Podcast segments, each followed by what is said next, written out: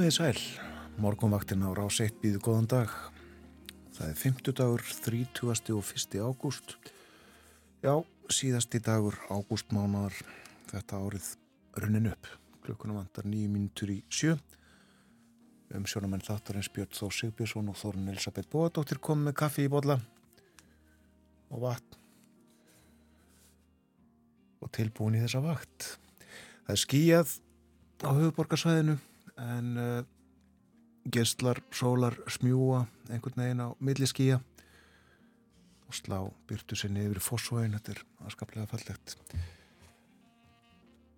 Og almennt bærilegt veður á landinu.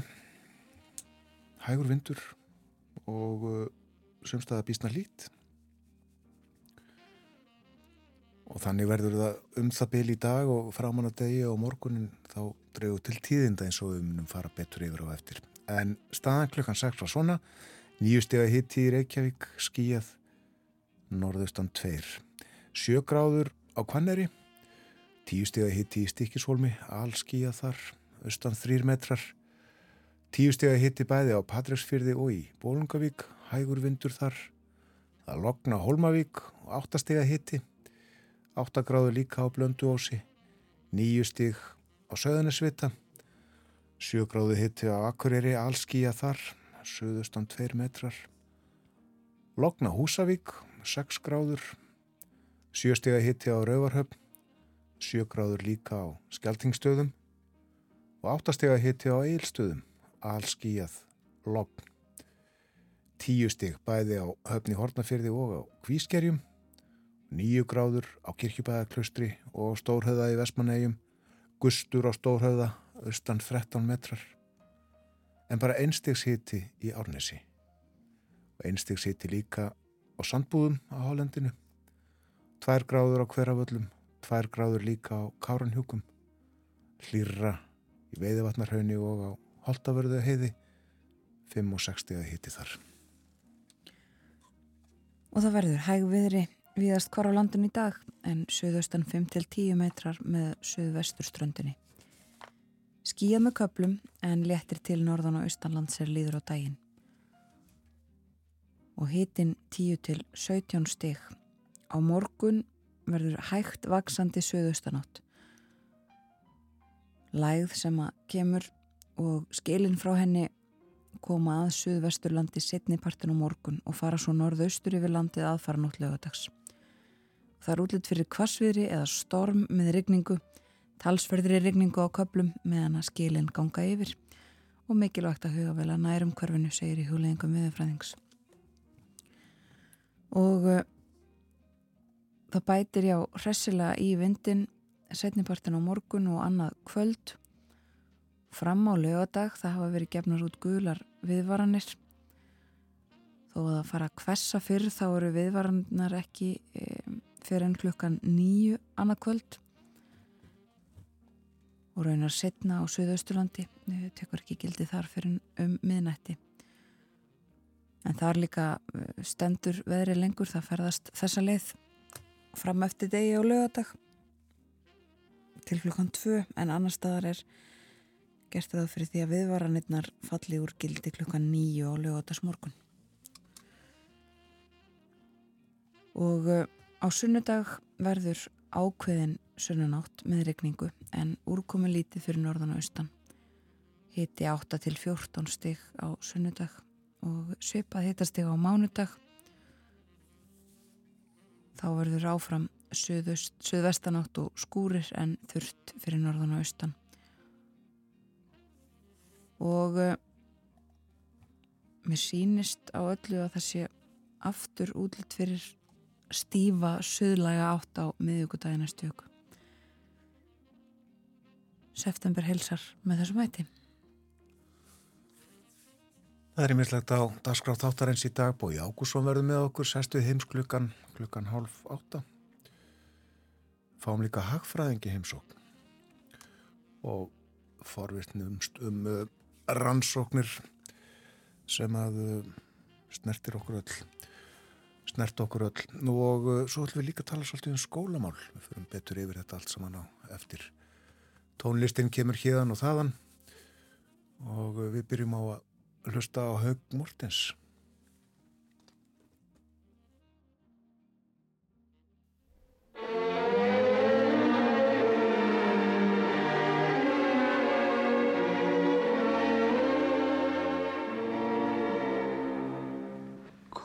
Komið allir kapri sveinar, komið sláið um mig hring, meðan ég mitt hverju kvæði um Katarínu litlu syng. Látið hlæg og grát af gleði, gítara og mandolín. Katarína, Katarína, Katarín er stúlkan mín. Í fiski kofa og kletta einni, Katarína litla býr. Sýrennur á sundi bláu, syngjum okkar æfintýr. Á viðaskál í skuggum trjána, hún mér sitt kapri vín. Katarína, Katarína, Katarína stúlkan mín.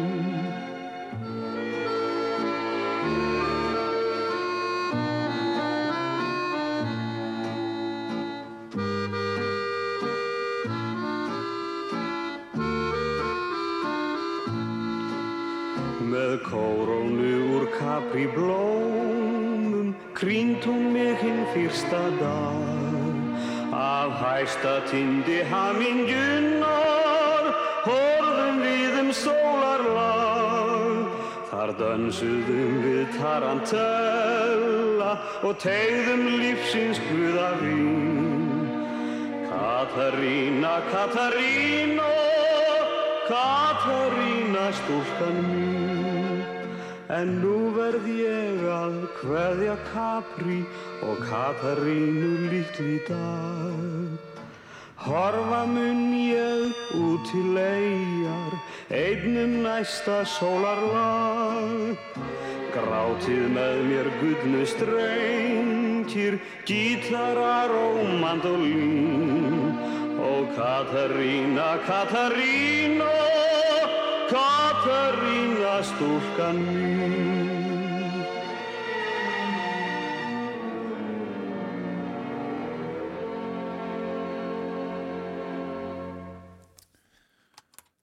Capri Katarína. Ljóð eftir Davíð frá Faraskói Jón frá Kvanná samti lagið Hauku Mortens söng. Saði þarna ævintýri skemmtilegu. Á eiginu Capri um það byrja út frá Napoli á, á vesturströnd Ítalíu. Það líður að frettum þar koma á slæðinu sjö eftir 50 sekundur við förum yfir dasgráð þáttarins eftir frettinnar lítum í blöðin. Draugum fram svolítinn fróðleik og leikum tónlist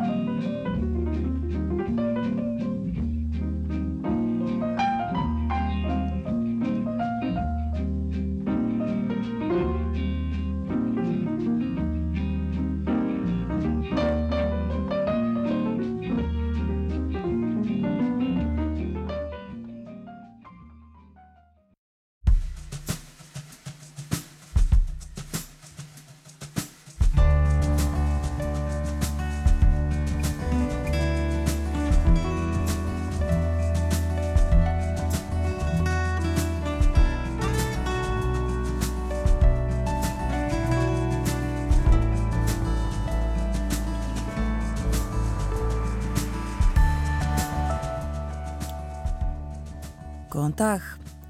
Morgunvaktin helsar 5. daginn 31. ágúst. Umsjónamenn eru Björn Þór Sigbjörnsson og Þórun Elisabeth Bóadóttir. Hagfræði, skólamál og erlend málefni eru á dagsbrá hjá okkur í dag. Og byrjum á erlendu málefnunum. Fundað var í vest-norrænaráðinu í Reykjavík síðustu daga en þar setja þingmenn frá Íslandi, Grænlandi og Færegjum. Bói Ágússon sest við heimsklukkan klukkan halv åtta og ræðir meðal annars við steinunni Þóru Átnádóttur Þingmann Vafge sem hefur verið formaður ráðsins undanfarið. Við ræðum líka um afrísk stjórnmáli heimskluka dagsins. Herdi Steingrimsdóttir Hagfræðingur hlauti vor verðlun Jón Sigurssonar Fossetta. Þau hafa verið veitt frá árinu 2008 og engum fallið fræðimönnum og listamönnum í skaut. Herdis er dósend við viðskiptaháskólan í Kaupanahöfn og sérsvið hennar er vinnumarkaðs hagfræði. Og í rúmt ár hefur hún setið í peningastefni nefnd Sælabankas, þessari sem ákveður stýrivextina. Herdis verður hjá okkur eftir morgunfréttir og við spjöllum um rannsóknir hennar og hagfræði.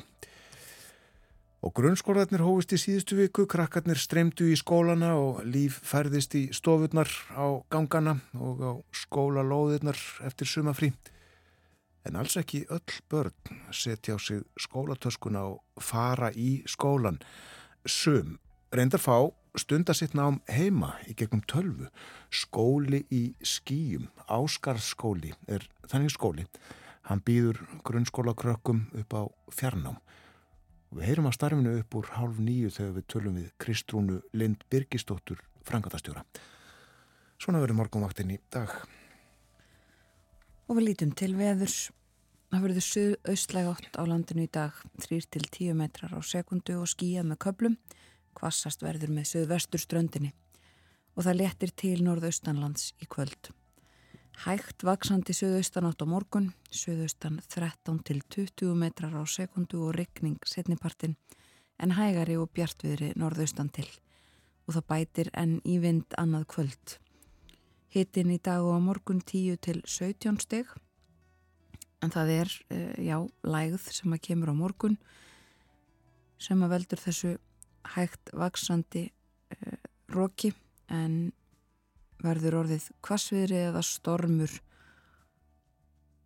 annað kvöld, förstudagskvöld og svo fer þessi lægð sem að kemur að landi söðvestanlands norðaustur yfir landið aðfaranótt lögadags og uh, bara leiðinda veður viðvaranir uh, í gildi eða taka gildi annað kvöld á höfuborgarsvæðinu á Suðurlandi Faxaflóa, Breiðafyrði, Vestfjörðum, Suðausturlandi og miðhálendinu.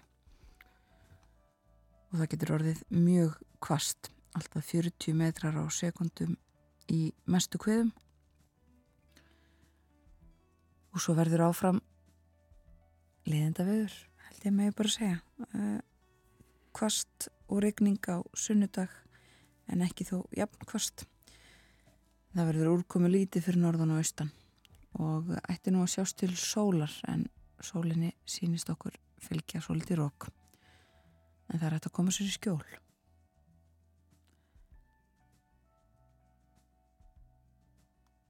Það kólunar svo áfram aðeins. Hitta stíð lækkar hægt og bítandi en á miðugudagi næstu viku er útlætt fyrir að það lína á ný. En þeim hlýjendum fylgja bæði rigning og rók. Og uh, meira úr þessari átt þar að segja frá viðstofinni, það er snjólust með öllu í esjunni, skablin í Gunnlaugskarði, hann bránaði. Og fjallaðum hennan skabl á við, viðstofunar. En uh, þar kemur fram að fylgstu verið með þessum skabli, esju skablinum, skablinum í Gunnlaugskarði síðan á 19. öld og hann stundum nefndur óformlegur mælikvarði á tíðafara á suðvestur horni landsins og hann kvarf síðast 2019 en þá hafði hann ekki horfið í enn sjö ár og þannig skapl þekkja margir og virða fyrir sér hann sérst önnulega vel frá höfuborginni en uh, hann er þarna í Gunnlaug skarði sem er við uh, efstu brún eða sem sagt, hann er við efstu brún kistufellsmegin í Gunnlúsgarðinu og uh, það er talið að hann hafi horfið fyrst 1929 þá var allavega almenlega tekið eftir því. Eldstu menn þá mundu ekki eftir að það hefði gerst áður. En það er þó ekki útilokað að hann hafi mögulega horfið 1847 og 1852 en uh, hvarf síðast flest ár í kjölfarið til 1947 og held áfram að hverfa söm ár til 1964. Þá kólnaði skindilega og það er talað um hafís árin 1965 til 1971 og þá virðist kaplinn hafa fest sig rækilega í sessi. Og hægt af hlínaði eftir það, þó tók skablin ekki að hverfa aftur fyrir 1998 og skablin kvarf alltaf tíu ári rauð frá árinu 2001 til 2010 en þá verðist það var kólnað aðeins og yfirleitt kvarfan ekki eftir það. Og aðeins árin 2012 2019 og núna 2023 og það eru til upplýsingar um að skablin hafi tvö ár horfið mjög snemma hvarfi júli 1941 og 2010 en núna gerðist það sem sagt sent í ágúst. Og áfram er hér fróðleikur á veðustofunar sumir vetur eru óvenju snjóléttir þegar norðaustlegar vindáttir eru meira á minna ríkjandi og úrkoma lítil af þeim sökum. Og þannig var einnig veturinn 2010 þegar skablin kvarfi í júli Síðasta vetur sem leið sapnaðist lítill snjór í laungum frostaköplum og læða brautin lengst af langt fyrir sunnanlandið. Það var hansi vætu samt í júni en síðan hefur verið óinnið þurft og sólríkt. Til að skabling hverfi þarf helst að fara saman að vetur sé snjólettur á undan hlýjusömri. Sérfræðingar á viðstofunni hafa fjallaðum skablinn og tíðar far tengt honum í gegnum tíðina og hægt að finna frekari upplýsingar á veður.is við veðurstofu Íslands. Það má segja að eh, allara augu verði í dag á eigilstöðum þar sem að ríkistjórnin heldur fund og uh, það er sannsagt beðið eftir því að uh, matfalar á þeirra Svandi Svagastóttir upplýsi um ákvörðun sína um hvort kvalveðar hefist á nýja morgun eða ekki og aðtilsvert að uh, yfirlýsingum kvalveðar verður gefin á eigilstöðum uh, sem er einn af þessum bæjum sem standa ekki við sjó á Íslandi.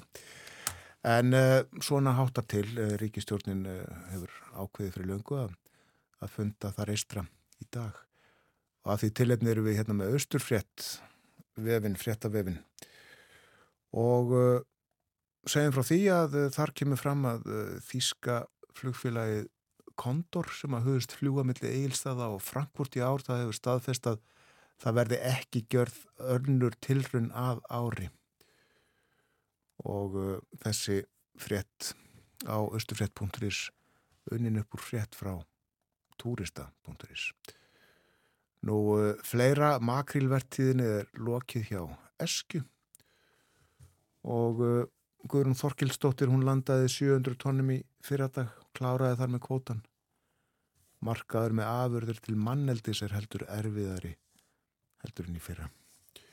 Skip Eskju hafa síðustu dag komið inn eitt af öðru úr sínum síðustu veðiferðum. Fyrst komu Jón Kjartansson og Adalstein Jónsson með um 1100 tonn hvor áður en Guðrún sló botnin í veiðina. Skipin veitu í smugunni um 340 sjómílur frá heimahöfn en okkur íslensk skip eru ennað veiðum þar en almennt er verðtíðin að klárast. Fiskurinn var allt í lægi, þetta var stór fiskur um 530 til 540 gram og lítil átægjunum. Það er haft eftir Baldri Martini Einarsinni, útgjara stjóra öskju. En uh, morgunbladið er á fórsíðu sinni að uh, fjalla um það sem að Sandi Svagastóttir bóðaði varðandi fiskveðistjórnunarkerfið í framaldi af uh, tiljónum sem að koma út úr starfi uh, öðlindar, öðlindarinnar okkar því umfangsmikla starfi.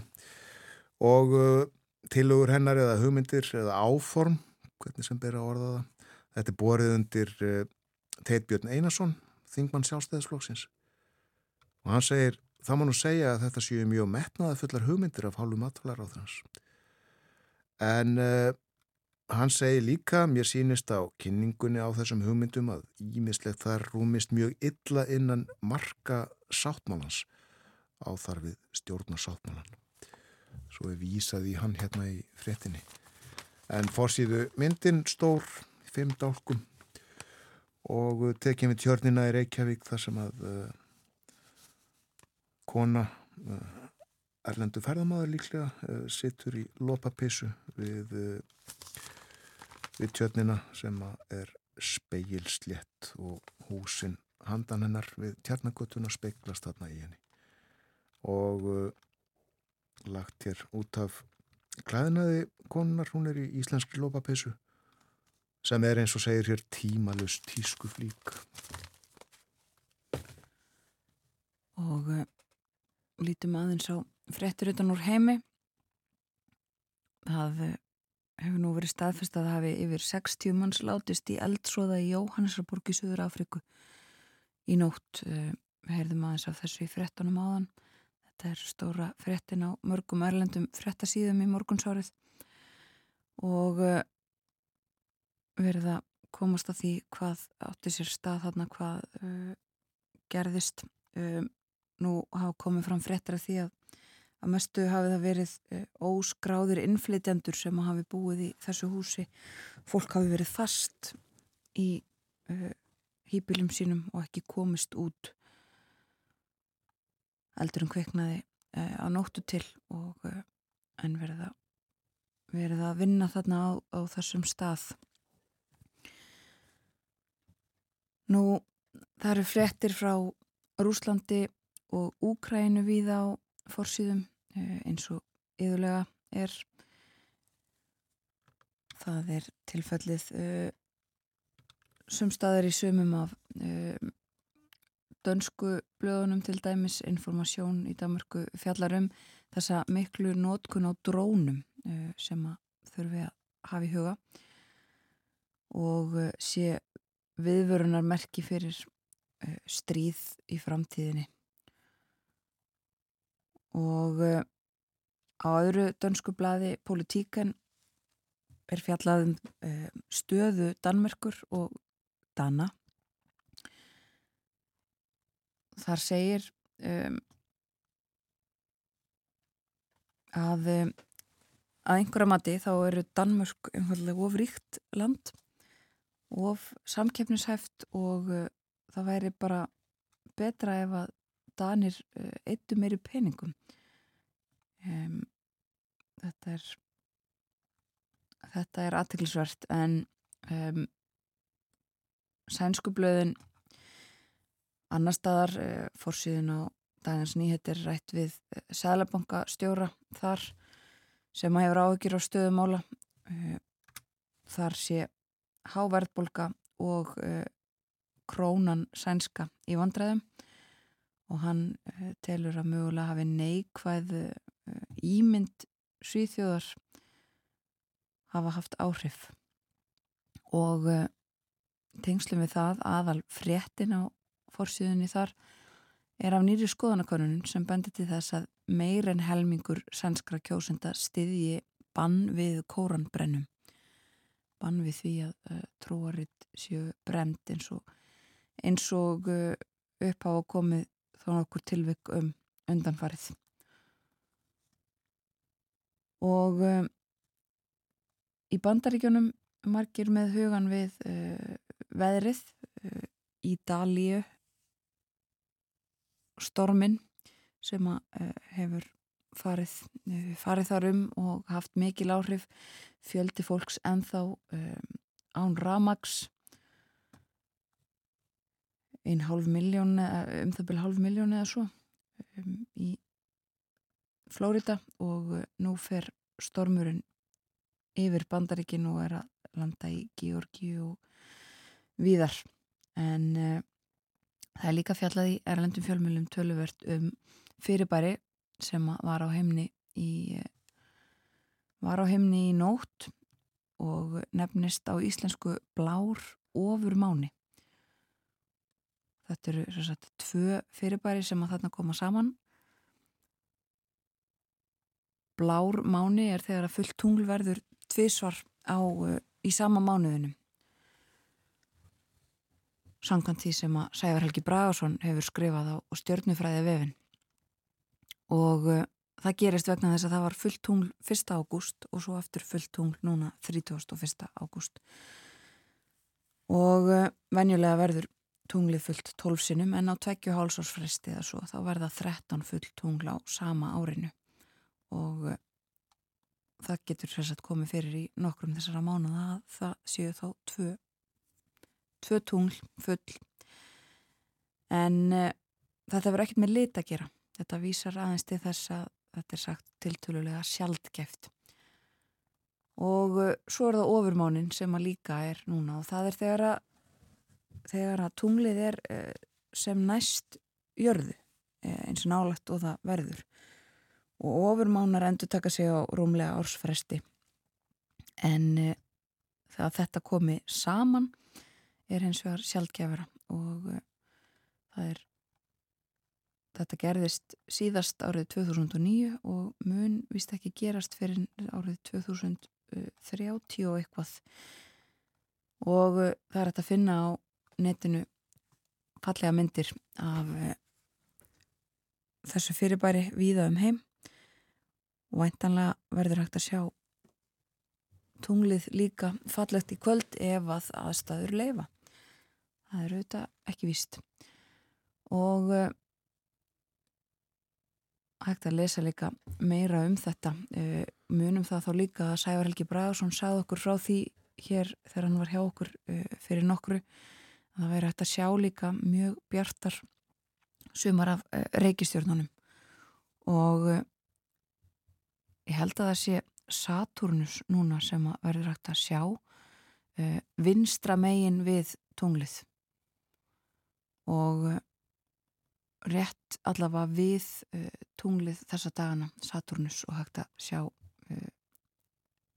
sjá hann að lofti ef að aftur ekki er skíjað eins og verið hefur Við skulum heyra eitt lag um tungl ekki blátt tungl heldur uppskerutungl, Harvest Moon.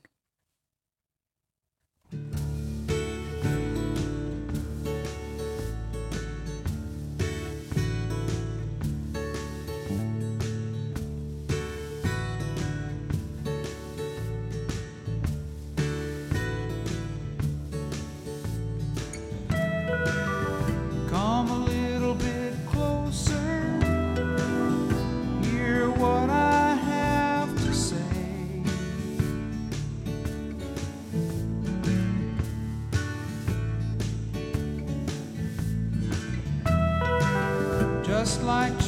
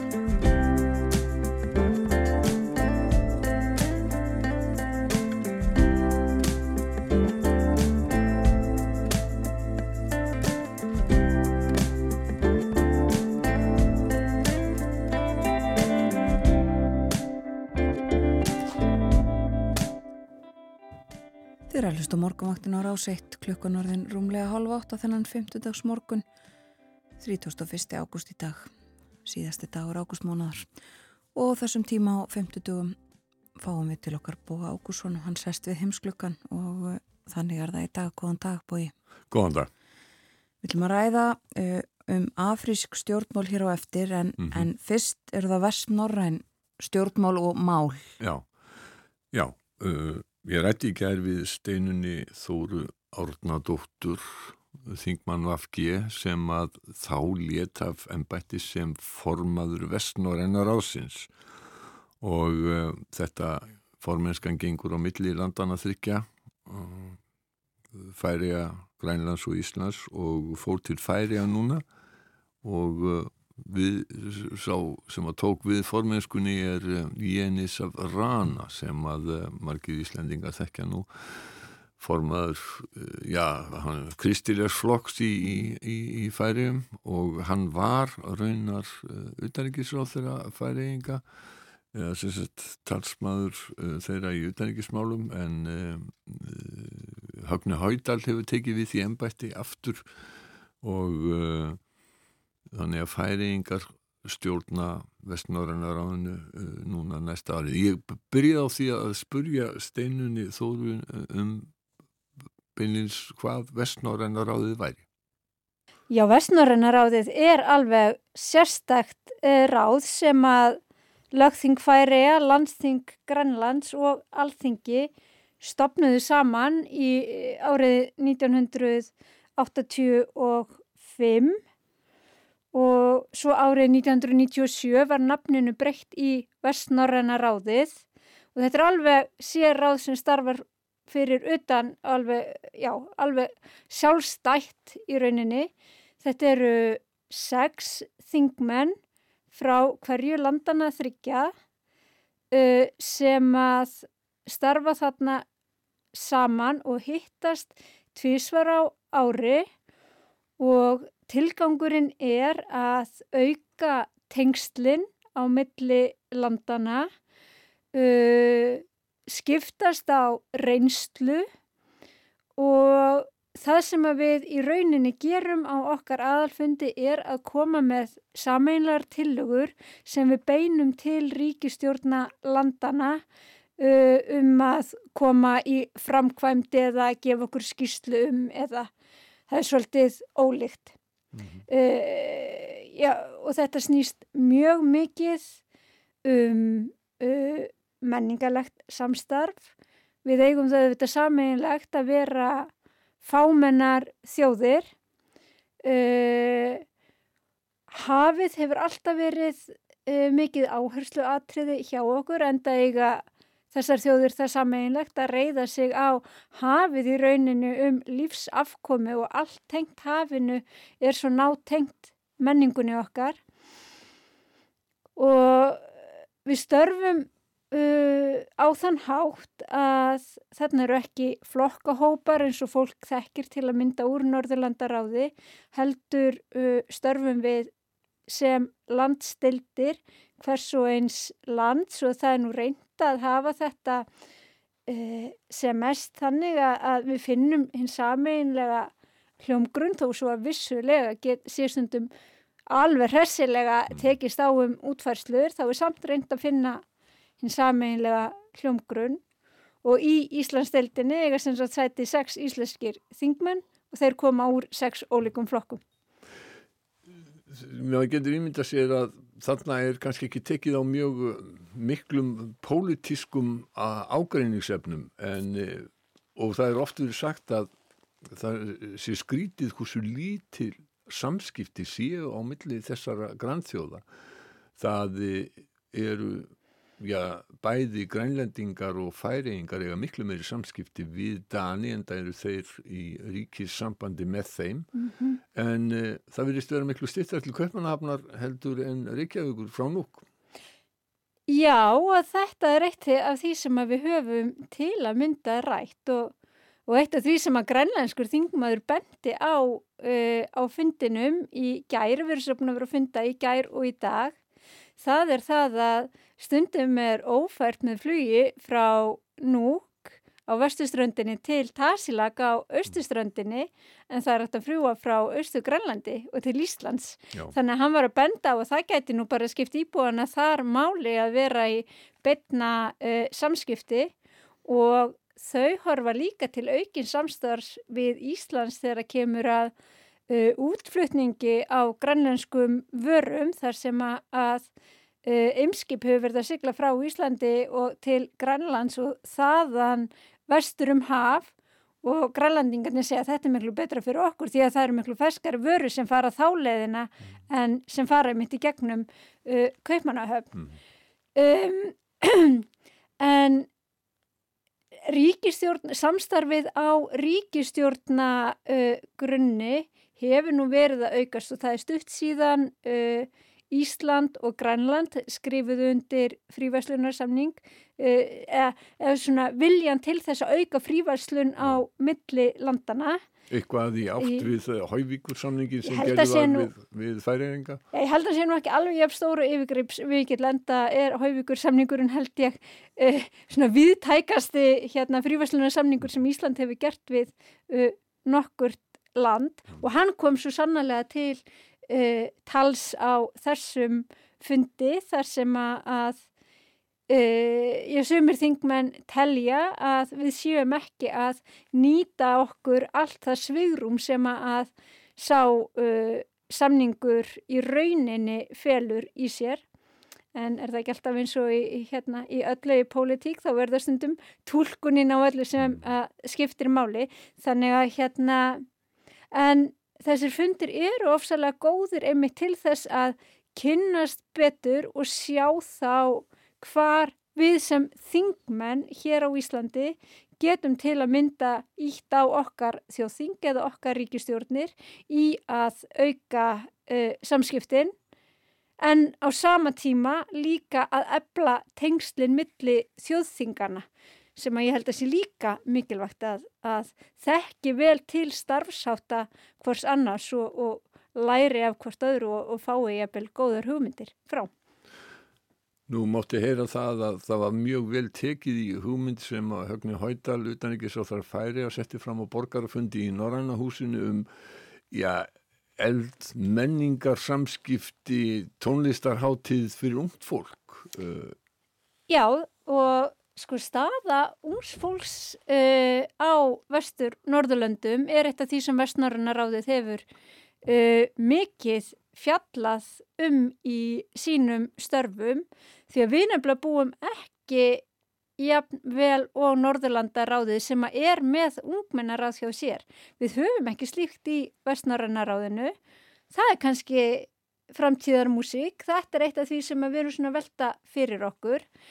Uh, en núna í tengslu við þennan ásfund var í fyrsta skipti í gær búið til uh, borgarafundar þar sem að var verið að ræða sérstaklega uh, vestnorræn málefni og þar satt uh, ungt fólk í pallborði og var eitt frá uh, Grænlandi, eitt frá Færaum og einn frá Íslandi og voru svona að ræða sína sín á samstarf þessara landa og þar kastaði högni hóitalda þessari hugmynd fram hvort að það ætti kannski bara slá í vestnorræna hérna, tónleikaháttíð sem að fjall nú bara bísna vel í, í kramið og það er bara aldrei að vita nema þetta sé eitthvað sem færi að taki upp því að núna færðist formenskan í ráðinu frá Íslandi til e, færiða og það kemur þá í hlut færiðing að skipulegja næsta borgarafund í tengslu við ársfundin sem verður þá á næsta ári. Og ég held að gæti bara verið mjög spennandi að hérna að sapna saman hljómsveitum frá þessum þremur löndum. Ég veit allavega að ég veri algjörlega til í að mæta á e, slíka tónleika því ég hef nú aðeins bara, því ég hef áhuga á þessu starfi hérna því ég verði að fara til grænlandsrind að hlusta á sko mm -hmm. hérna grænlenska tónlist og það er bara fullt af flottum grænlenskum bæði rapp, þungaraks, pönglumsveitum, bara nefndu það og svo vitum við það auðvitað öll að það virðast allir færiðingar geta sungið vel þannig að þetta getur orðið skemmtilegt sko. Já, það er mjög tón, líflegt tónlistalíf uh, í öllum þessum þreymur löndum þannig já. að þetta getur hugsað Já, ég nefndi auðvitað ekki í Ísland nei, við nei, þekkjum það bara öll hvernig já, það er já, já, En sko við vorum að tala um það í upphafi að samskiptin væru kannski ekki eins mikil og menn gætu ætlað af því að þetta eru þjóðir sem eru, eru allar í norður allar saminu og uh, nágrannar. Hvað er það sem helst kemur í vekk fyrir það? Er það, það er dýrt að fljúa á milli uh, og uh, svona samskiptin, já það er engin hefð fyrir þeim eða lítil hefð fyrir þeim. Ég held að séu nokkrir þættir sem skipta hérna máli þótt að við séum næstu nágrannar þá er eitthvað langt á millokkar mm. og það er ekki hægt að hoppa upp í strætó eða taka lest eins og er hægt, hægt á mörgum öðrum stöðum þannig að það tekur langan tíma að sigla og það er dýrt að fljúa en það, já, flug, grænlandingar eru á fullu við það að byggja flugvelli þannig að flugsamgöngur til Grænlands eiga líklega eftir að aukast í framtíðinni. En svo er það hitt sem að er alltaf talsvert mikið rætt á þessum fundum og það er spurningin um tungumálið og vinnumál uh, vestnorðina ræðsins er danska sem að sumum finnst nú svolítið kaltænislegt að við séum að nota tungumál gamla nýlendu herrans í samskiptum okkar á milli.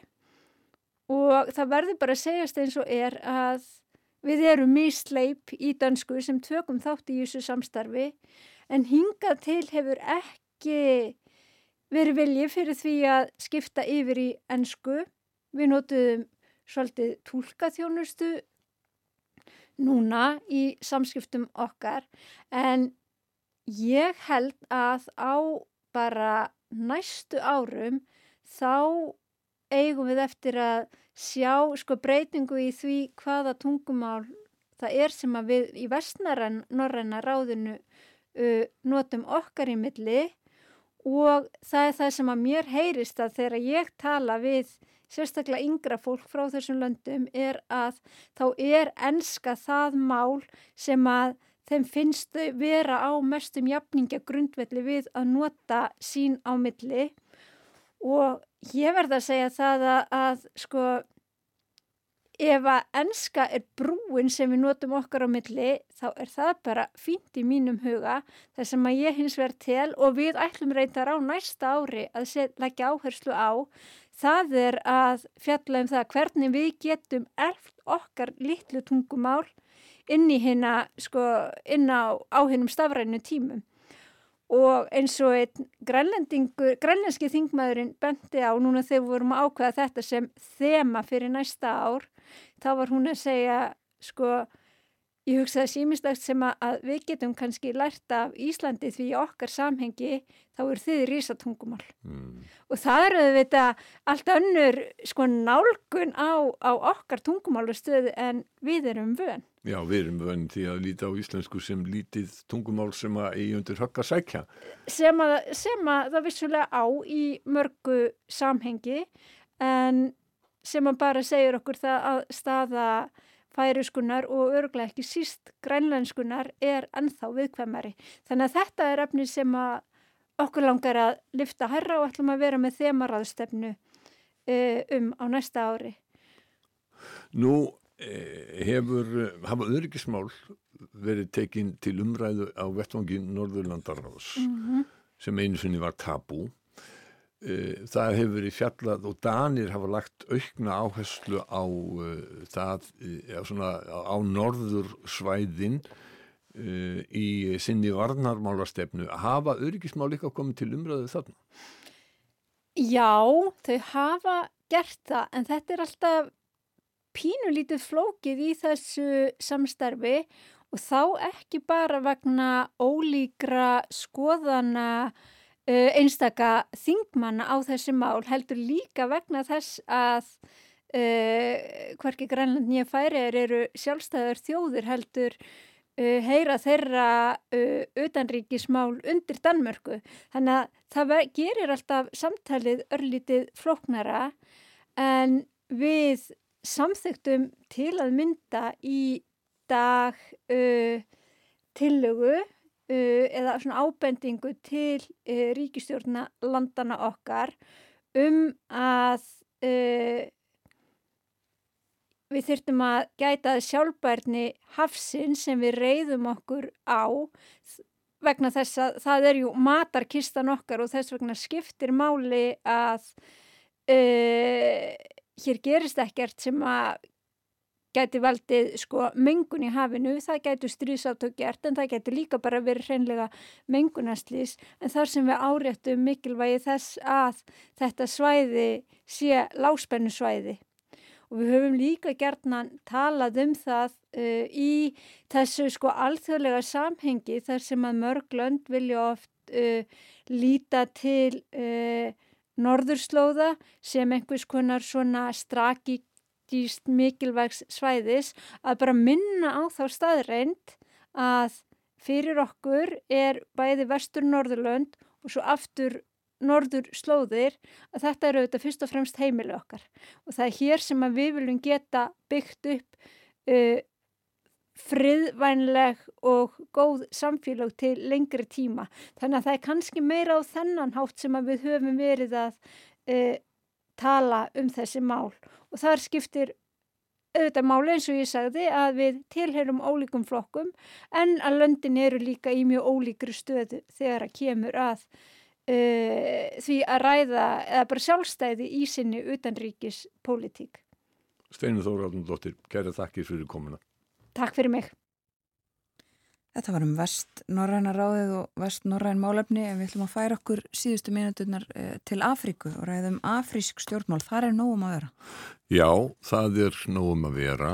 Það eru kostningar sem að síðan er ekki virtar og uh, herinn í mörgum ríkjum hefur tekið yfir. Núna á síðustu þremur árum hefur verið valdarán í Mali, Gíneu, Sútan, Burkina Faso, Níger sem var nú bara fyrir hvað hálfum mánuði og svo núna í gæriða fyrir þetta í Gabon. Og uh,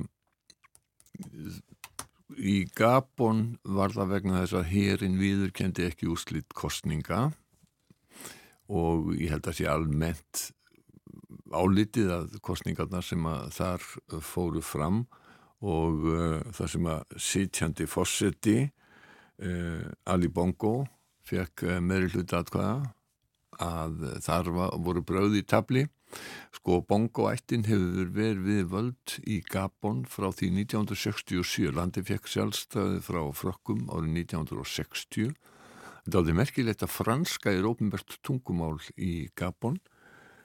En eh,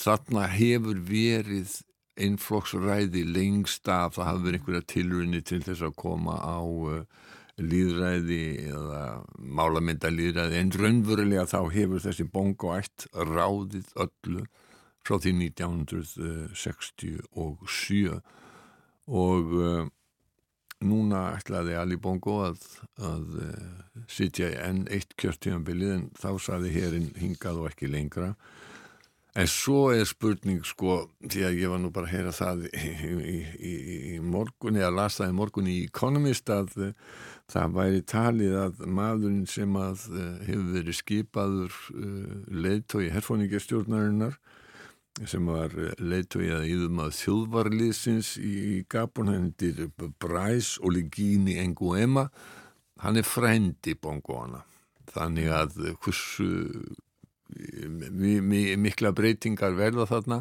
eða hvort herfóringjarnir eins og lofa eins og venjulega að það verði eftir kostninga, heiðarlegra kostninga hvort þeir standi við það, það er nú sjálfnast að slíkt gerist.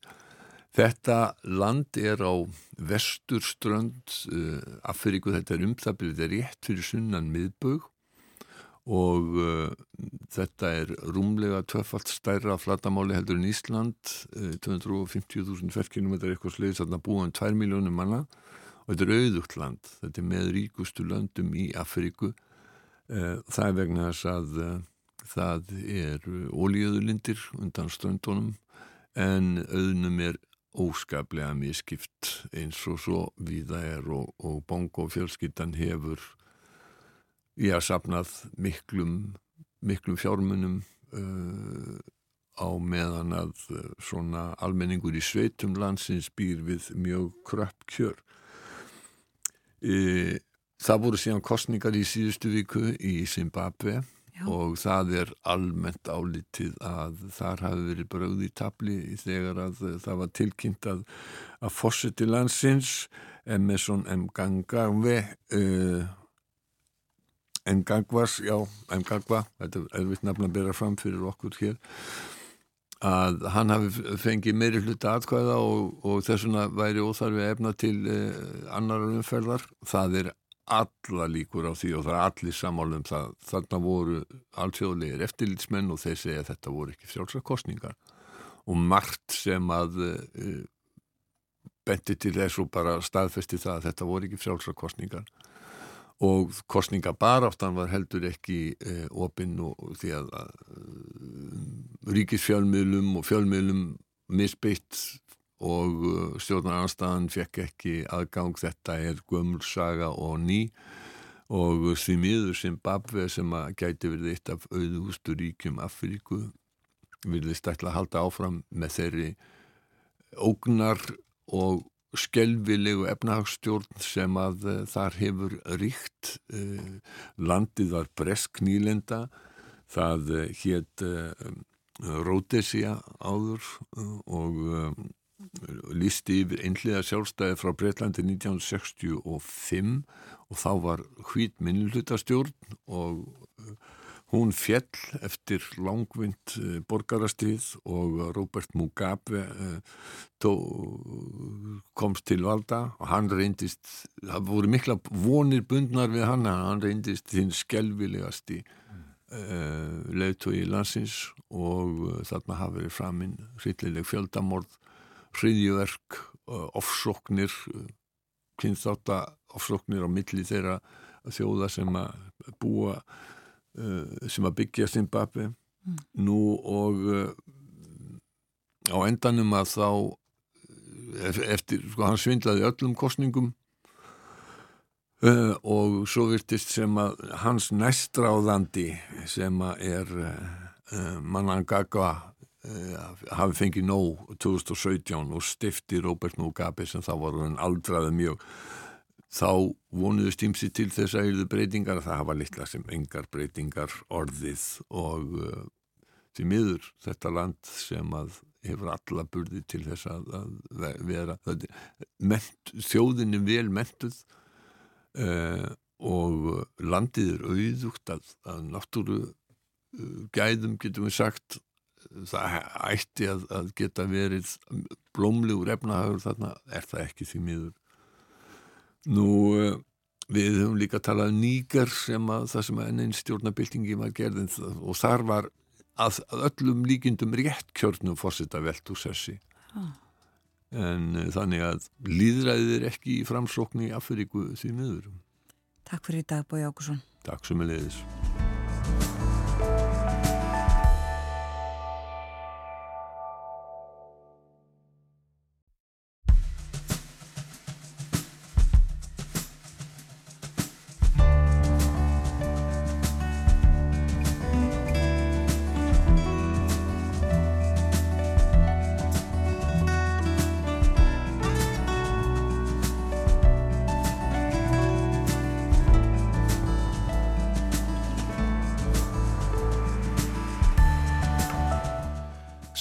Þetta er morgunvaktin á rás 1, klukkan farin að ganga nýju, 5 minútur gengin í nýju.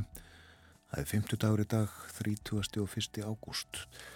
September hilsar á morgun og uh, veðrið bara bærilegt framann af degi á morgun líkt og það verður í dag, en svo drefur til tíðinda. Já, svo kemur uh, lægð yfir landið, fyrst suðvestan til og ferðast svo norðaustur yfir landið og uh, með henni rók og regning og uh, svo mikið að uh, búið er að gefa út gular viðvaranir. Þar taka gildi annað kvöld víðast hvar. Á höfuborgarsvæðinu Suðurlandi, Faxaflóa, Breiðafyrði Vestfjörðum og Miðhálendi. Og svo um miðinætti annað kvöld á Suðausturlandi. Og þetta gildir framálega dag verður leiðenda veður líka á lögadag en uh, þó að viðvaranirnar falli úr gildi þá verður áfram rók og regning við um landið. Finnum til rekkápurnar og aðstígvilin. En nú að öru. Árlega eru verðlun Jón Sigurssonar Forsetta veitt við hátilega aðtöfni Jónshúsi í Kaupmannahöfn. Og í ár hlaut þau Herdi Stengrimsdóttir hagfræðingur fyrir rannsóknir á sviði vinnumarkaðs hagfræði. Rannsóknir sem að hafa mikilvægt samfélagslegt gildi jamt í Danmörku sem, á, sem og á Íslandi. Svo ég vitni frétt á vef alþingis frá því í vor. Já, verðlunin voru veitt í vor, við erum svolítið sein með fréttina þessu sinni hér á morgunvaktinni. En áfram sagði áherslur rannsókna herdísar hafa gerðnan beinstað kynjajabrétti, fjölskyldum, mentun og heilbriði.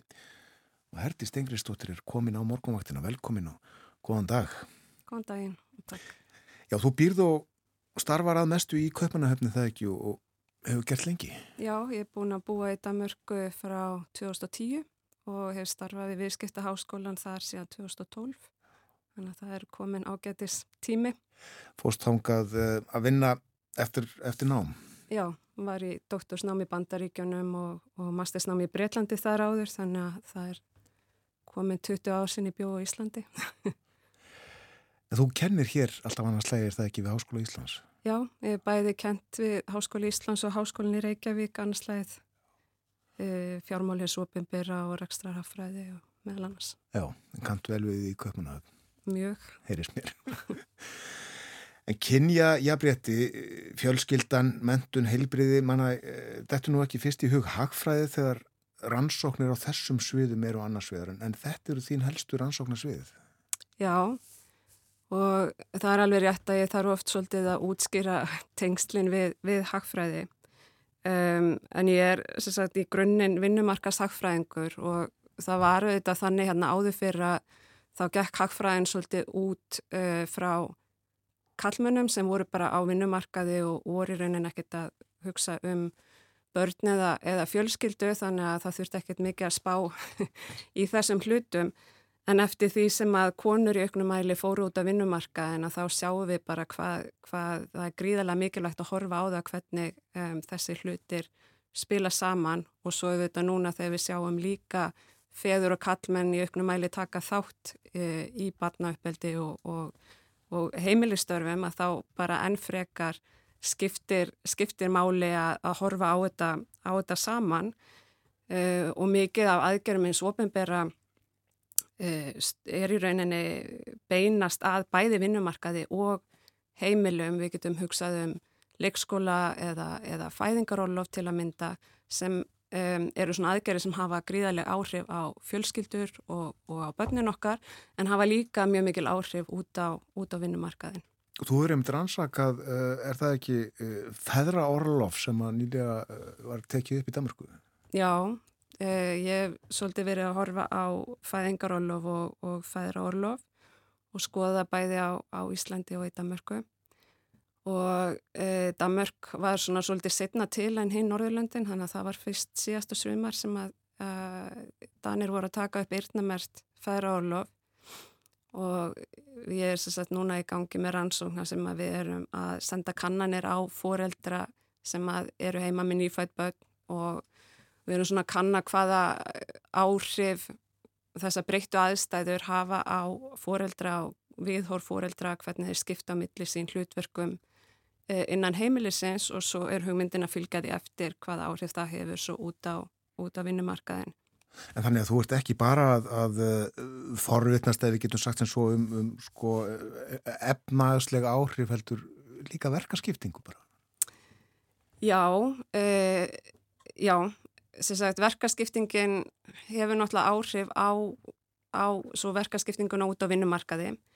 Og, og sem hagfræðingur þá hefur maður til að mynda uh, áhuga á launaminn kynjana og það er mjög áhugavert að skoða bæði fæðingarólóslögin á Íslandi og hinnu Norðurlöndunum í rauninni e, lögin sjálf segja að markmiði með þeim sé að tryggja jafnbretti á, á vinnumarkaði e, sænsku lögin ganga svo langt að segja að, að jafnbretti á vinnumarkaði verði ekki náðu fyrir að við náum jafnbretti inn á, inn á heimilunum þannig að aftur þá bara spilar þetta allt, allt saman og mikilvægt að horfa á heildamindina Já.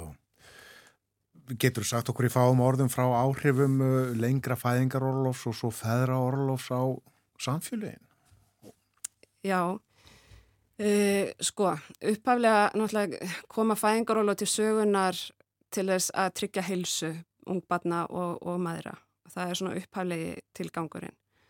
Um, það er svo kannski miðja síðustu öll það sem að það fer að vera aukin áhersla á, á konur á vinnumarkaði og jafnbretti á, á vinnumarkaði og, og svo er það núna bara síðustu ára sem við höfum hérna séð þessi eirnamertu feðraálof og þetta náttúrulega hangir allt saman og, og í rauninni búið að rannsaka töluvert og mjög mikilvægt út frá hennu ofinbera að, að svona horfa svolítið á sko hvert er markmiði með þessum aðgerðum og, og hafa þessar aðgerðir þessi tilætluðu áhrif. Um, og við sagt, sjáum glöglega í rannsóknum að fæðingarólof hefur jákvæð áhrif á helsumæðra á batna um, fæðingarólof um, ef við hugsaum um hver, hver áhrifin af auka mánuði fæðingarólofs eru þá sjáum við jákvæð áhrif þanga til verum komið um það byrj 6 mánu orlof eftir það eru ekki svo mikil áhrif á þessar útkomur og það er búið að horfa bæði á andlega og líkamlega heilsu, þroska við mig hjá börnum og svo framvegist. Þannig að það eru þessi fyrstu sex mánuðir sem eru viðrast vera uh, það sem mestu máli skiptir. Þegar við svo horfum á vinnumarkas útkomur hvenna að þá sjáum við líka að það hefur jákvæð áhrif að hafa fæðingarólof sem er að mista kosti sex mánuðir.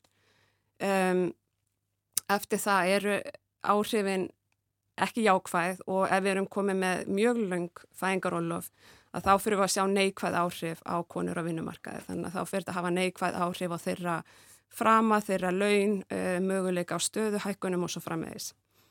Og það er kannski svolítið uh, það sem liggur að baki því að, að þessar hugsun að, að feður kannski geti tekið meiri þátt til þess að hérna, komi í veg fyrir þessi, þessi neikvæði áhrif og, og að því að feðrálofið er nýri hugmynd að þá er kannski færri rannsóknir sem að hafa hort á, á feðrálofið en, en mikið af rannsóknum sem eru núna í, í gangi og rannsóknir hafa meðlan að sínta að sagt, það að taka feðrálof hefur áhrif á þáttöku feðra í fóreldrarhlutverkinu til lengri tíma. Þetta hefur ekki bara áhrif á þess að fyrstu mánuð eftir að, eftir að batnið fæðist heldur líka um, á þáttöku þeirra setna meir til dæmis uh, hversu mikið veikindaleifið þeir taka með börnunum sínum, hversu mikið þeir hjálpa með heimavinnu og svo frammeins. Þannig að þetta virðist að minnst að kosti hafa einhver, einhver svona áhrif til, til frambúðar. Já.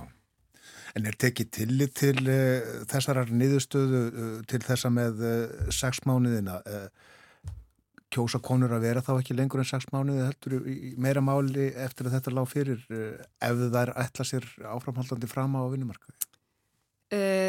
Nei, það er nú ekki beint það sem við sjáum og það er mjög áhugavert, núna eru við að senda þessar kannanir út í Danmörku þar sem við spurjum meðal annars um hvernig skiptiði fæðingarólöfunum millikar, hvernig væri æskilegt að þið skiptuð orðlöfun á millikar, eru þið ána með það hvernig þú og makiðinn skiptið þessum tíma á milli. Og sagt, áður en að ferðarlofi kynnti sögunar þá sjáum við að 90% fólks er ánægt með hvernig það skiptir fæðingrólofun á milli. Og svo eftir að ferðarlofi kemur til sögunar að þá mingar þessi ánægi töluvert og við sjáum bara 50-60% segja að þau sé ána með hvernig þau skipti orlofun á milli sem að bendi til þess að, að hérna, ungt fólk í Danmörku sé ekki mjög ánægt með uh, þessa tilskipun og það sem er kannski áhugavert að það eru sérstaklega mæðunar sem eru óanaðar með þetta eirnamerta orlof þannig að það virðist vera sem þær vilji taka lengri tíma þar eru núna meðaltala að taka tæft ár uh, í fæðingarólof þannig að svolítið umfram, tölvert umfram þessa sex mánuði. Já, kemur þetta þér óvart? Já, þetta kemur mér svolítið óvart og já. og í rauninni þegar við lögðum að stað með þetta þá, þá svona að því að við spurjum líka um, um viðhorf og notum staðlaðar spurningar sem að ímsar e, Evrópu rannsóknir hafa nota til þess aðtuga svona viðhorf til kynnegjabrettis og þar erum við meðal annars með e, fullirðingu sem segir eitthvað eins og það er hlutverk kallmann að vinna fyrir heimilinu og hvenna að sjá um börn og, og heimilistörf.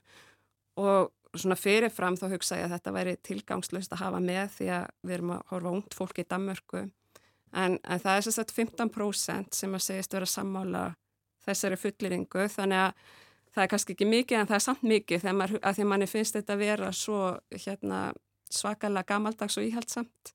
Þannig að það er bara margt sem kemur á óvart og það er líka bara það sem er svo áhugavert við að gera rannsóknir að maður heldur eitthvað og svo finnum maður eitthvað allt annað. Kemur ýmislegt í ljós, já.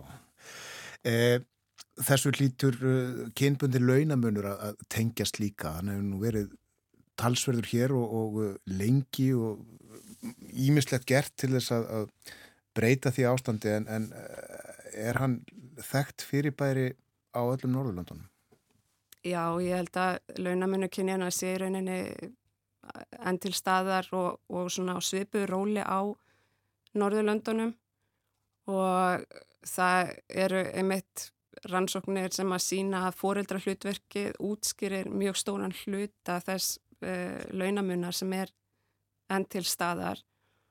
Og þetta útskýrist að því að, að, hérna, að hluta til allavegna að þegar konur fari foreldra hlutverkið að þá vinna þær minna stittri vinnudaga, uh, taka fæðingarólof og, og taka í rauninni mun meira veikinda frí vegna batna heldur en, heldur en feður Eh, þannig að þetta eh, er mjög mikilvægir þáttur í að útskýra, útskýra launamun kynjana. Já, ég veit að þú líka uh, skoðað áhrif þess að eiga langveik börn.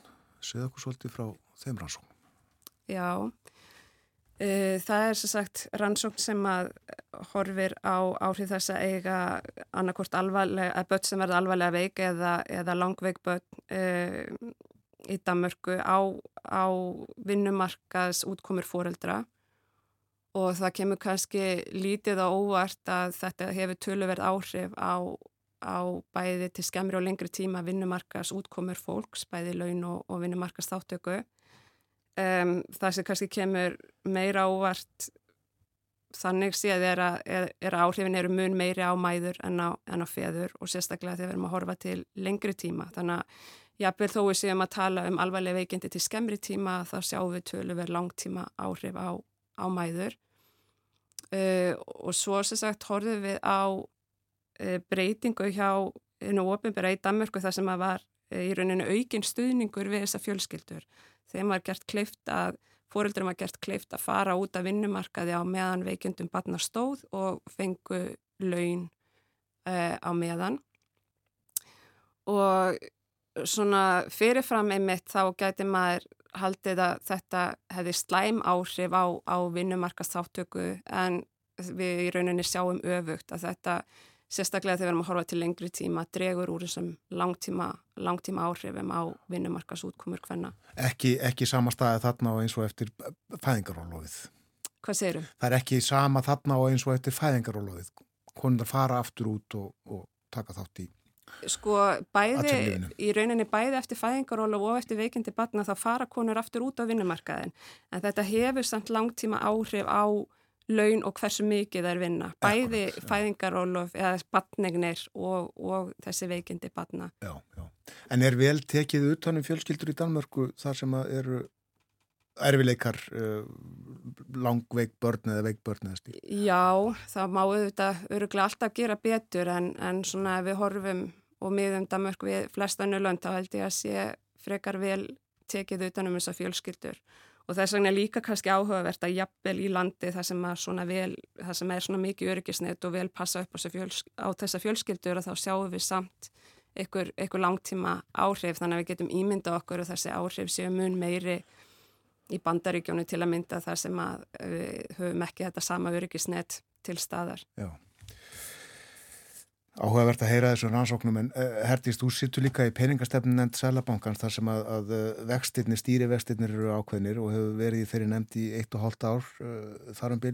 Hvers vegna eru vextirnir miklu, miklu herri hér á Íslandi eldrin í Danmörku?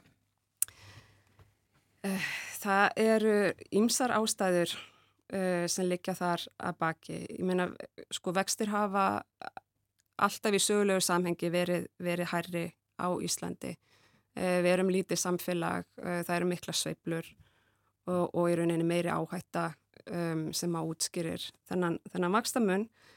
Um, við erum líka sögulega með mun herri verðbólgu heldur löndin í kringum okkur og það hefur haft áhrif á verðbólguvæntingar.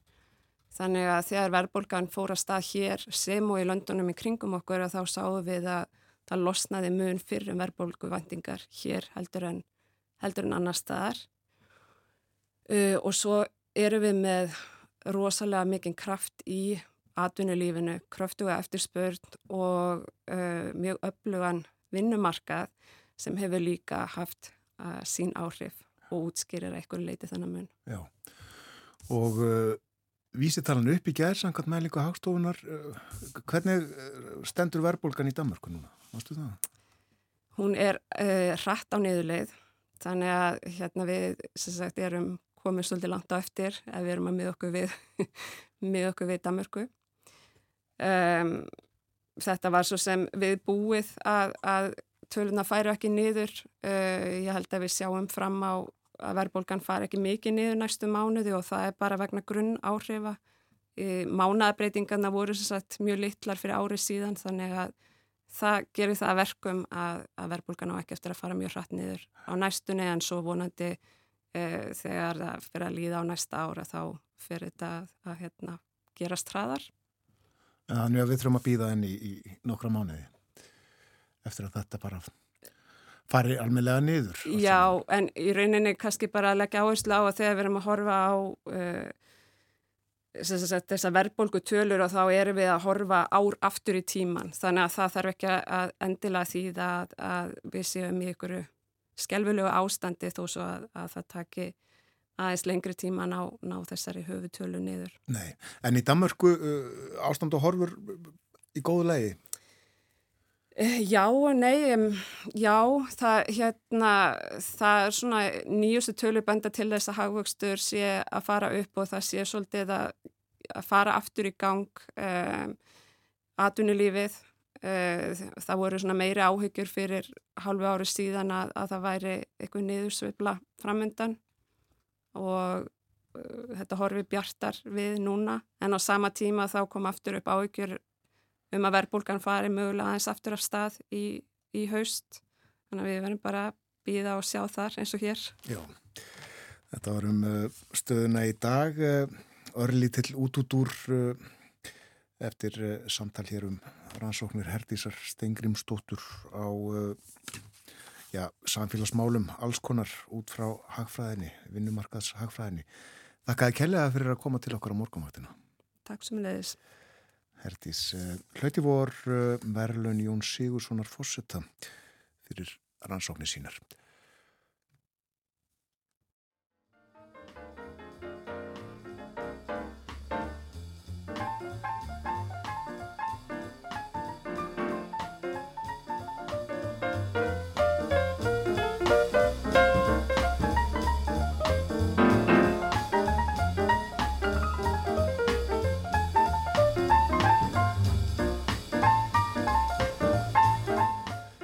Klukkan er 25 minútur gengin í nýju, við fáum fréttaeflit eftir 5 minútur og uh, eftir það, milli hálf nýju og nýju, ætlum við að forvittnast um uh, skólahaldið í Áskarðskóla. Það er kent í skíinu eins og það er orðað. Meira en um þetta á eftir.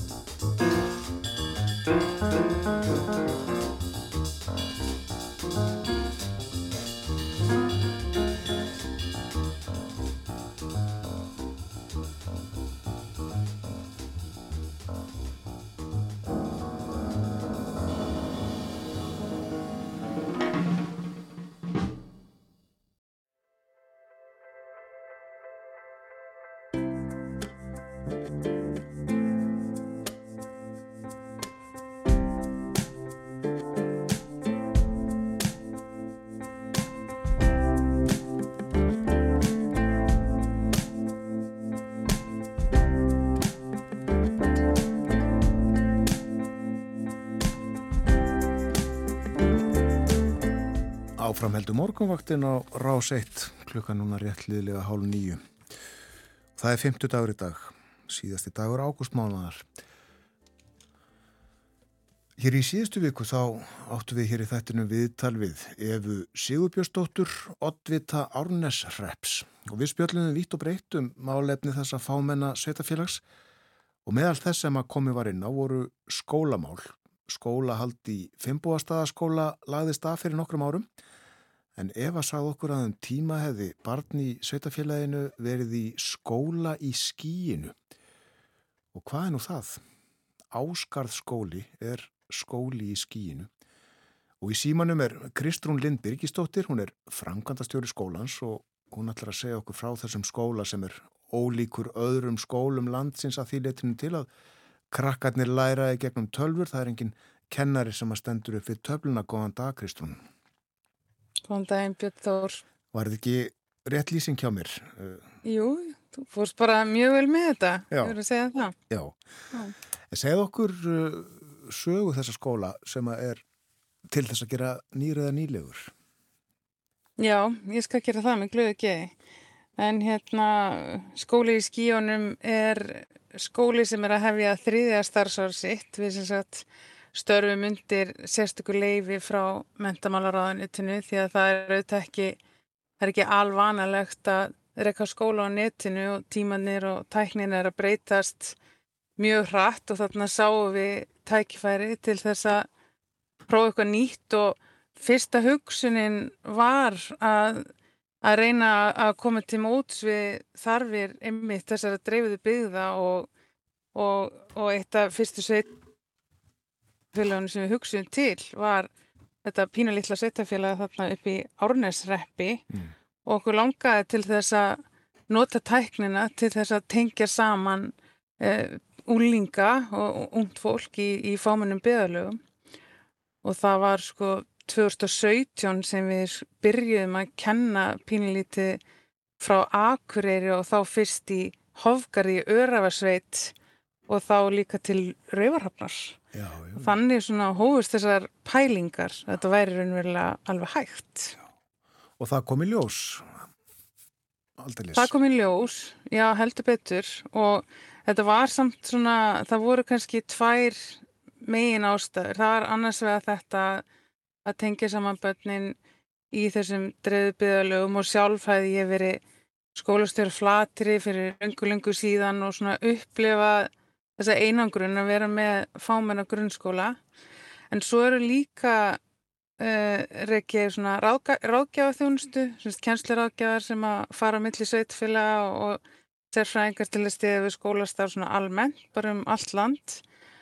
Og okkur vantaði líka svona góð dæmi um hvernig væri hægt að útfæra gott skólastarf, sem sagt bara vera með nútíma námskrá sem myndi þá samramast þeim kröfum sem settar eru af, af ríkinu og reyna að vera með svona smá æfingarskóla í leiðinni fyrir ráðgjafan og kennarna sem við tengjumst út um allt land þannig að þetta er ekki bara leysa vanda heldur líka að nota tækifæri og slá svolítið marga flugur í einu höggi, skilur mig.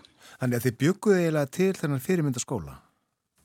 Já, við gerum það. Við bara í rauninni gerum það. Þannig að vegna þess að skólar eru flóknar stopnarnir og mjög mikilvægar og, og það er ekki, það er ekki auðvelt að e, snúa öllu við þar. Það tekur langan tíma og, og það þarf mikla, það þarf mikil og góð þróun að eiga sér stað. En þarna voru bara að takast á við allar áskoranir, samþætta námsgreinar, personumiða, komið tíma út sem fjölbreytta þarfir, lágur þröskuldur, hátt þak, skrítnaskrúfur, allir að fá að njóta sín og, og við bara settum okkur það að leysa það að útbúa þannig námskrá sem myndi svara allir um svona kröfum. Já, það er, Það það er til eitthvað sem heitir, heitir námskrá eða aðal námskrá er það ekki? Jú, þú veist, ríki setur aðalnámskrána sem er svona, hefur reglugerðar ígildi og öllum skólum er gert að fara eftir. Já, En síðan þarf hver og einn skóli að útfæra finnst, sína skóla námskrá. og skólanir hafa talsett svigrum til þess eða hvað? Já, bara sigrumi er bara er mjög mikið en kröfunar eru líka ríkar. Stráðuniti og mentamálastofnum setja líka bara svona gæða línur sem að þarf að framfylgja en og, og hérna til þess að standast svona þær kröfur sem gerðar eru þegar síðan kemur eitthvað svona matsæðili og tekur út gæðin að þá þar þurfa hlutinir að vera í standi og, þannig að þa- og þetta er mikil vinna fyrir skólana Já. að fara í. Getur þú uh, sagt okkur frá einhverju sem þið eru með í ykkar starfi í Áskarskóla sem að er þá til fyrirmyndar að, að þínu og ykkar mati? Já, við getum gert það. Sko, krakkanir í skóla í skíunum eru til dæmis núna að fara í gegnum um, svona áfanga sem við köllum hver er ég og þá eru þau að, að hérna, þeirra skrifa bók eða þau reyndar útbúa vefsíðu sem að fjallar um þau sjálf þar sem þau seti sér námsmarkmið og þau segja frá sínum högum og fjallum heilsu og veljan og, og þau gera þetta sem sagt með sínum eigin orðum, það eru mjög skýr markmið, þau læra uh, vinnubröð bladamanna og ferilsritun í leiðinni, læra að gera uppkast og reynrita og struktúrera texta. Og svo endaði þetta ferli, þetta sexvikna ferli með því að bjóða fóreldur sínum í heimsókn, þar sem þau gera fóreldur sínum grein fyrir því eh, að hvaða markmiðum þau ætla að stefna í vetur. Og þannig eru þau svona ebla sig sem námsmann eh, í svona álíka verkefnum að minnstakosti sexinum yfir skólaárið. Já. Og uh, ég veit að uh, þið uh, snýðið námið með einhverjum hætti að þörfum hvers og eins nefnanda, er það ekki svo? Jú, og þau í rauninni gera það sjálf. Hvernig, hvernig fer það fram og, og hvernig gengur það? Ef við fyrum aftur kannski í einhver svona álíka verkefni að skrifa frétt til dæmis, að þá fær batni að velja, það er ákveðin rammi, kannski að læra að skrifa frétt eða læra að skrifa grein og einn krakkin skrifar kannski um Dungeons and Dragons eða, eða hérna, japanska teiknimyndahetjur og einhver annar skrifar um kvalveðar eða pólitík. Við búum til ramman en, en börnin koma með e, sitt persónulega inn í ferlið. Já. En við sjáum um struktúrin, til dæmis nota eins mörg lýsingarorð og getur í fréttinni, hafa hana grípandi, þannig að við reynum að, að gera viðfónsefni spennandi en þau svona finni sinn tilgang og, og seti sitt svona sinn efni við í ferlið þó að markmiðin séu skýr. Já, og þetta mætti nota í starfræði líka uh, orðadæmin uh, þau snúast um eitthvað sem að kannski krakkarnir hafa áhuga á einmitt. Já og við tökum þetta eiginlega lengra og við hefum verið að undirbúa til dæmis vorverkefni sem að á að ganga út á það að, að búa til viðskipta áallun um það og, og hanna matarvagna uh, finna út uh, hvað á að bjóða upp á búa til matseðilinn, æfa út búa matinn markaðsetja og svo byggja matavagnin eða koma um saman á einhvern hátt og fá viðskiptavinni og svo ígrunda ferlið og líti baksinni speilin og hugsa hvernig geti ég gert betur. Og þá erum við búin að samþætta allar helstu list og verkreinar, tungumál, starffræði, náttúrufræði erum við búin að búa til við tölum stundum um að við sem að búa til samlokur eða hambúrgara með því að samþetta og borða og njóta frekar heldur en að vinna námsgreinanar í sílónum brauð og ostur og smjör og kál.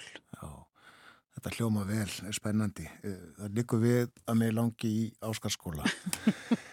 Eru margi krakkar hjá ykkur?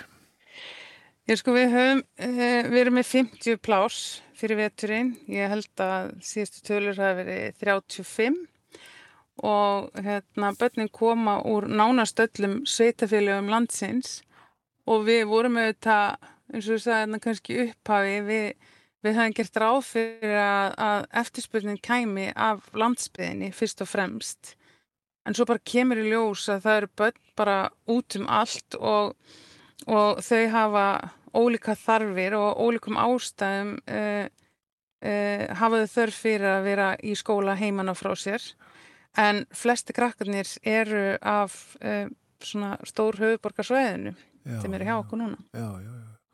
Geta foreldrar bara valið sjálfur og ákveðið að, að barnið fari í áskarskóla? Sko ekki beint af því að það eru sveitafélagin sem er sker úr um þetta. Mm. Það getur verið sveitafélag sem er án skóla eins og kannski staðin er núna árnisreppi en það getur líka verið sveitafélag sem hefur veist, hefur ekki mörg úrræði. Reykjavíkuborg og Ljóslega Kópóður, þetta eru sveitafélag sem að hafa fjölmörg úrræði en það er alltaf ákverðin af allt sveitafélagana heimilegana flytning á milli skóla. Og, og sko áskarskóli og skóli skíðanum hann, líka pínu gaman að segja frá því, á sér sko festi í Reykjólareppi að Reykjólareppur er er það sveitafélag sem við erum með þjónustu samning við því að þú getur ekki bara farið og ákveða að búið til skóla í skíjónum og, og skráðan bara til heimilis á Akureyri í Reykjavík því að það eru mjög skýra reglur um það hver má reyka skóla. Já, ummitt. Þannig að það er háð samþykki sveit, sveitafélagi þarf að taka sér ákverðun og skrifundi þjónustu samningin og sjá til þess að sveitafélagi þarf að sjá til þess að eftirlitið og, og, og allt sé í lægi sko. Þannig að þau þar bera ákveðna ábyrð á þér. Þau bera bara alla ábyrð Alla mér að segja. Já, er bara þannig. En, en, en þetta er þetta framsýtn hópur sem sagt e, sveitstjórnumanna sem að sá bara þarna líka fyrst og fremst þetta byggðasjónamið og kannski líka fólk sem er áhuga á því að að brjóta þessu upp formið og reyna að sjá nám í fleiri veist, fleiri stöðum heldur en akkurat bara í kennslustofinni Já, en hvernig er það með uh, krakkana í skóla í skíunum eða þau vera mætt klukkan kortur yfir átta á mótnana og, og sitja til hátegis með fríminútum eða uh, ráða þau eða stjórna sjálf hven er þau vinna verkefnin? Þetta er mjög góð spurning. Þau nefnilega, þau mæta bara núna á slæginu nýju í skólan og skóladagurinn hefst með morgunstund þar sem að farið svona yfir málefni líðandi stundar og, og þau sjáum að, að, hérna, að koma fram með málefnin. Þau, þau fá að e, vel, þau, og það er smá struktúr í því. Við erum með til dæmis þessa sex vikurnar ef mann rétt þá er þau með e, dygðir sem að svona að þá kveikjana því að, því sem að þau tala um og málefni líðandi stundar og merkistaga þar sem að þau eru svona þjálfast í að koma fram og hlusta á hvort annað og, og æfa sig í að svona orða hlutina og svo þegar morgunstundin er búin þá tekur bara við næsti tíma og þá farið að vinna hver er ég? Eða velkomin í skín þar sem þau eru að læra svona á tækin og, og hérna taka upp myndbönd og, og hljóðbrot og nota slæður og allt þetta. Já. og svona bara gengur skóladagurinn fyrir sig að þau eru sem sagt bara það er bara alveg eins og þau séu kænslustund í skólan þau fara bara inn í stofu og svo eru þau að vinna saman svo er það vinni í sikkur og lægi og svona gengur skóladagurinn fyrir sig þangu til hann líkur um tvö. Já. Og uh, krakki á Rauvarhöfn kannski bekk með barni í Búðardal. Já, og það er nú líka annað að e, við erum til dæmis með krakka á Rauvarhöfn, nokkra krakka sem að þau reyndar, þau vakna mótnana og setjast niður við tölvuna inn í skólanum sínum. Já, þau mæta. Já, þau mæta í skólan sín. En, en þau eru með sína skrifstofi, sína enga skrifstofi í skólanum og, og, og, og hérna hittast svo í fríminutunum og fá hátegismat og þannig að þar er sko hilkið og þar er frábært starfsfólk en þar var ekki hægt að manna skólan með veist, skólastjóra og kennurum bara vegna þess að það var bara ekki fólk á svæðinu til þess þannig að þá leysi sveitfélagi þetta með okkur á þennan hátt. Þetta er spennandi og uh, allt er þetta byggt á uh, því sem að þú hefur uh, lært og reynd um æfina uh, með reynslu frá til dæmis Flateri og svo Hong Kong, eða ekki? Jú, þarna svona, ég hef bara verið svo heppin að, að hafa svolítið fjölbreyttar einslu og það sem ég kom með mér frá Hong Kong var, var það þessi insýn inn í svona stýra gæðavinnu og alveg framúskarandi skólastarf?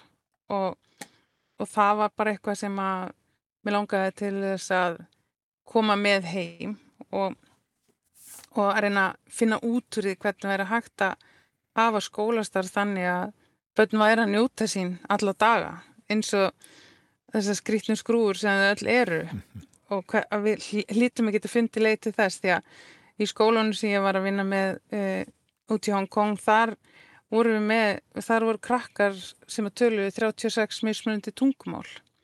Og þar var öllum mætt á þennan hátt sem, sem ég var að reyna að lýsa á þann þannig að með þetta tína svona brotaði besta sem að eru verið að gera í, í bestu skólum heims og reyna að púsla því saman við þær kröfur sem að hér eru gerðar Já.